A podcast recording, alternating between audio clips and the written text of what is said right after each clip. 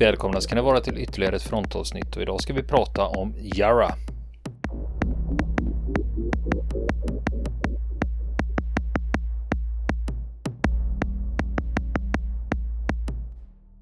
Nu ska vi fortsätta höra historien om Yara. Niklas håller på och läser upp ett brev från en av de överlevande efter skeppsbrottet. Och vid solnedgången såg jag ett fartyg komma emot oss så jag skakade på Sandy, ruskade på honom för att försäkra mig om att jag inte fantiserade, men Sandy rörde sig inte. Fartyget kom och passerade oss. Det var för långt borta för att det skulle se oss. När mörkret föll hörde jag Sandy säga att han ville till sin flickväns ställe längre upp på gatan. Han hade börjat hallucinera. För att hindra honom från att simma sin kos föreslog jag att vi skulle paddla flotten tillsammans tills vi kom till toppen av kullen. Men efter ett tag förklarade han att vi hade kommit fram till hennes dörr och pekade ut huset för mig. Han pratade så mycket om det där huset att jag till slut också började se det och efter ett tag kunde jag till och med se att det gick runt människor där inne. Det gick en ganska lång stund och vi kom inte närmare så till slut så blev han otålig och ville simma dit. Och jag kände att jag var alltför trött för att simma och bestämde mig för att sova på flotten en stund. Jag trodde inte att flotten kunde driva så långt eftersom det fanns ett staket runt huset och strömmen skulle kunna ta mig innanför det. Men Sandy ville inte sova med halva kroppen i vattnet så jag lät honom gå. Jag trodde ju inte att jag aldrig skulle få se honom igen. Men jag klättrade ombord och somnade. Jag vaknade upp under natten och då var min hjärna helt klar igen. Och jag insåg att jag återigen mådde urdåligt.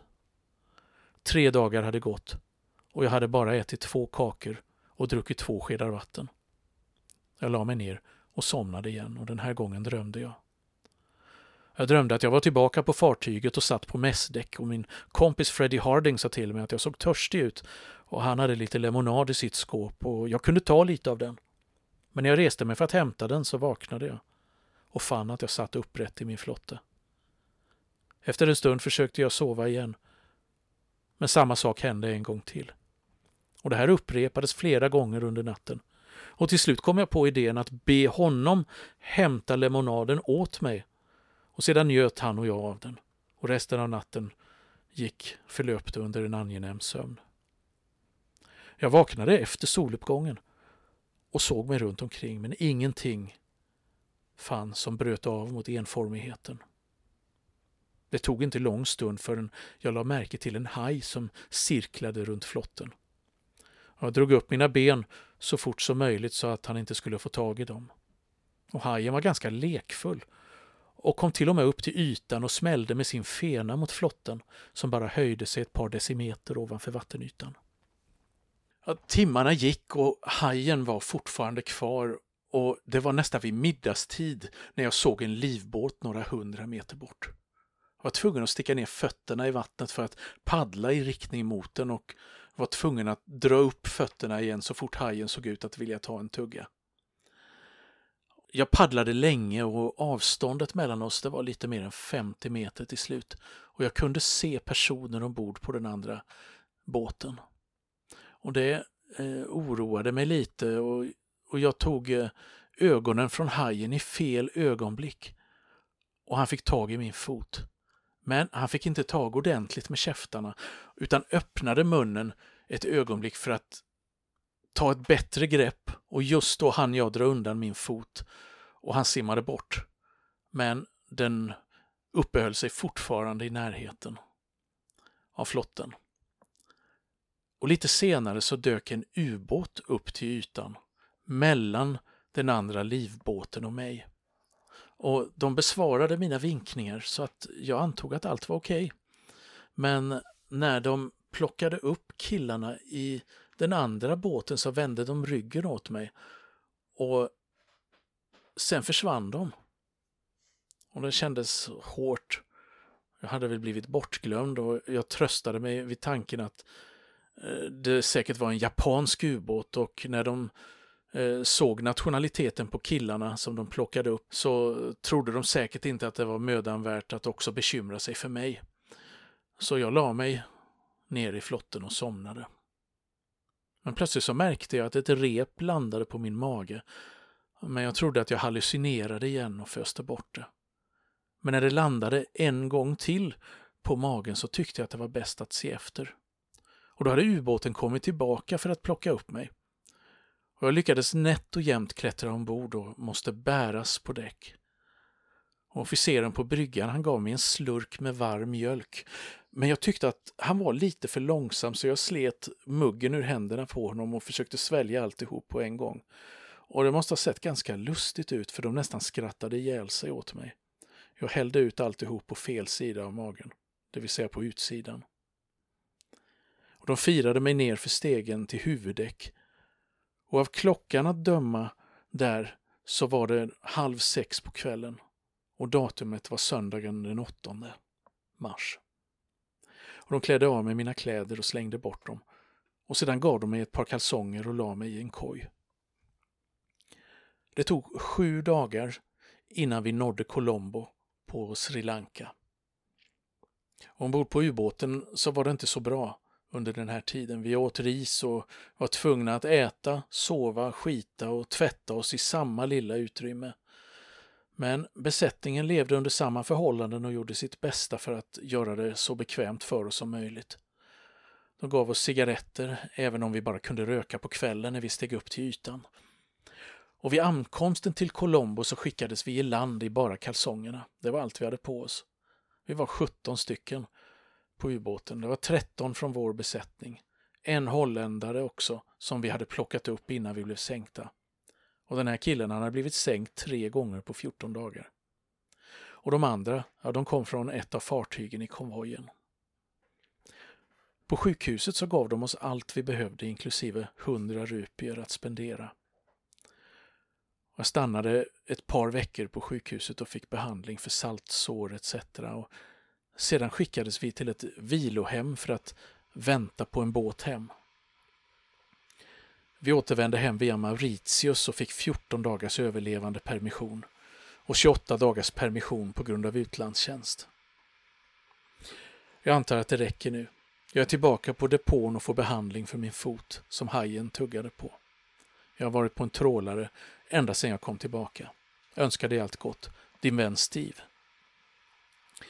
Och det var alltså det här brevet med upplevelserna, hur det, alltså ganska typiskt öde för en skeppsbruten i Stilla havet under andra världskriget. Men fantastisk historia. Ja, just det. Vi har ju i förbigående kan jag säga att vi, vi har ju pratat om eh, den förre fartygschefen Harrington Hastings Harrington som förde befälet över Jarra under större delen av dess existens under kriget.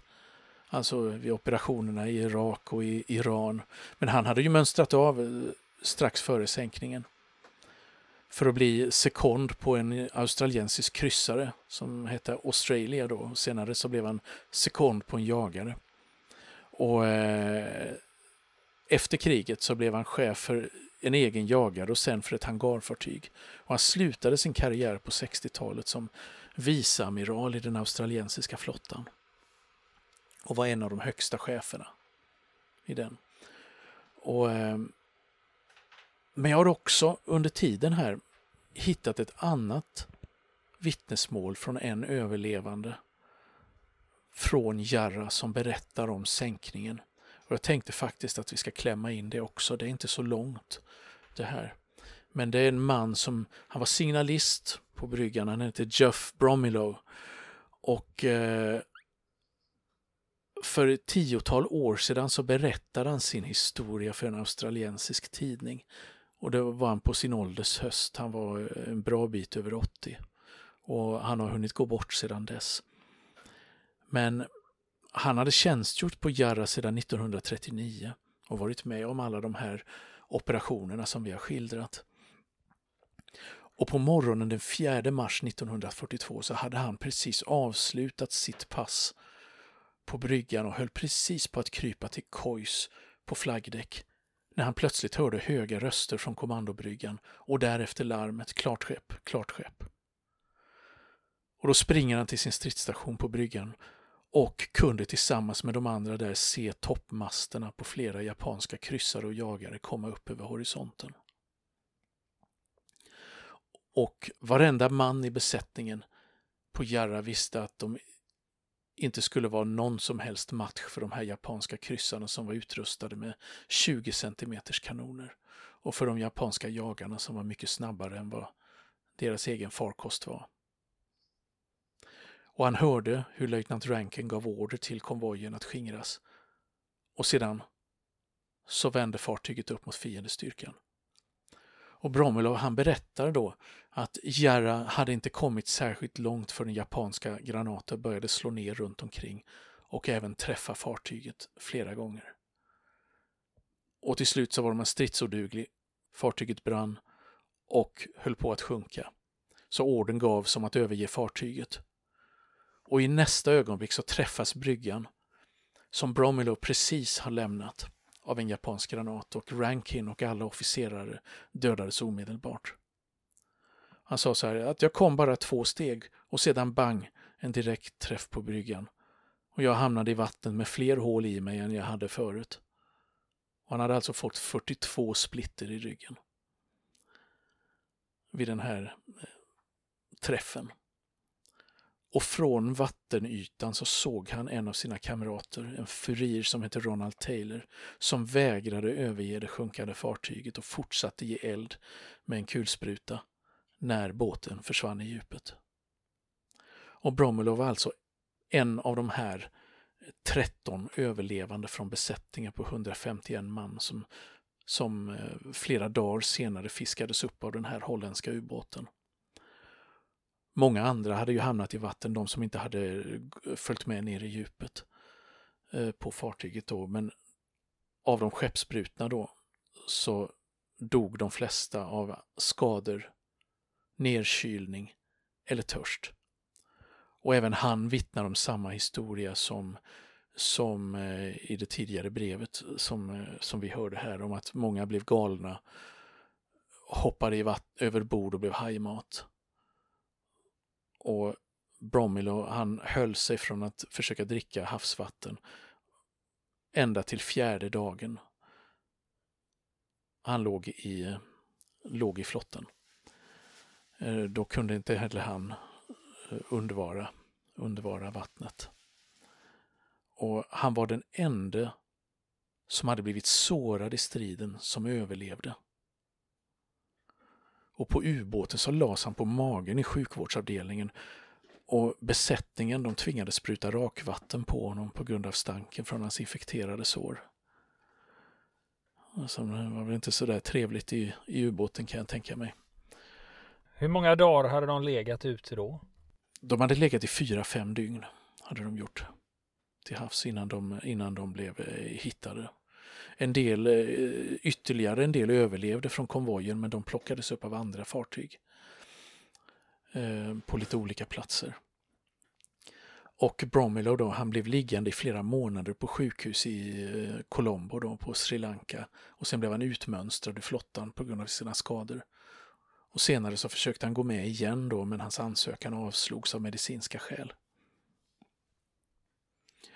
Och ehm, Slutligen, slutligen så kan man ju säga några ord då om, eh, om fartygschefen under Jarras sista strid, då, Robert William Rankin, då, som var en, eh, en officer som då vid det tillfället var eh, i 35-årsåldern och eh, hade en eh, hyfsat lång erfarenhet. Han hade varit, varit eh, tjänstgjort i flottan ända sedan 20-talet och eh, stigit i graderna och var en väldigt handlingskraftig officer, vilket han då hade visat utanför Singapore, bland annat.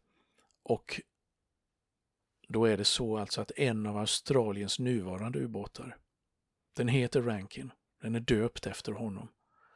Och den bär också valspråket försvara de svaga.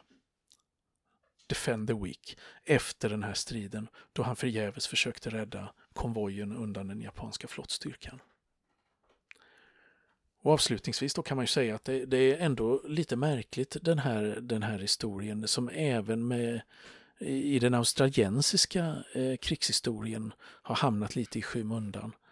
Eh, på grund av eh, lite andra dramatiska händelser, bland annat sänkningen av en eh, kryssare som heter Perth vid ungefär samma tidpunkt. Eh, så har den här hamnat, i, hamnat lite i skymundan och egentligen börjat uppmärksammas först på senare år. Ehm, eh, och det är lite lustigt då att inte, man faktiskt inte har gjort någonting mer av det, till exempel en film eller någonting. För att det här, här finns ju ett ypperligt material till att göra en, en, en story kring det här om man, om man nu är lagd åt det hållet. Men, Men den har ju alla ingredienser. Mm, precis, precis, men det kanske kommer. Men det är lite intressant alltså att lyfta fram de här, de här lite mer udda, udda historierna eh, i, i krigets skugga så att säga. För vi som, du och jag håller ju på och letar efter sådana här grejer och vi hittar ju sådana, det finns ju väldigt mycket. Ja precis, det finns ju, finns ju hur många som helst, gör det ju faktiskt. När, när, man, när man ser sig runt och vet var man ska leta. Det är det som är så fascinerande, att det, det finns så många historier kvar att berätta. Vill ni komma i kontakt med oss så kan ni göra det via vår Facebook-sida som heter Fronten. Det är inga problem för er att leta er fram där. Eller också så mejlar ni på vår mejladress och det är frontenpodcast.gmail.com.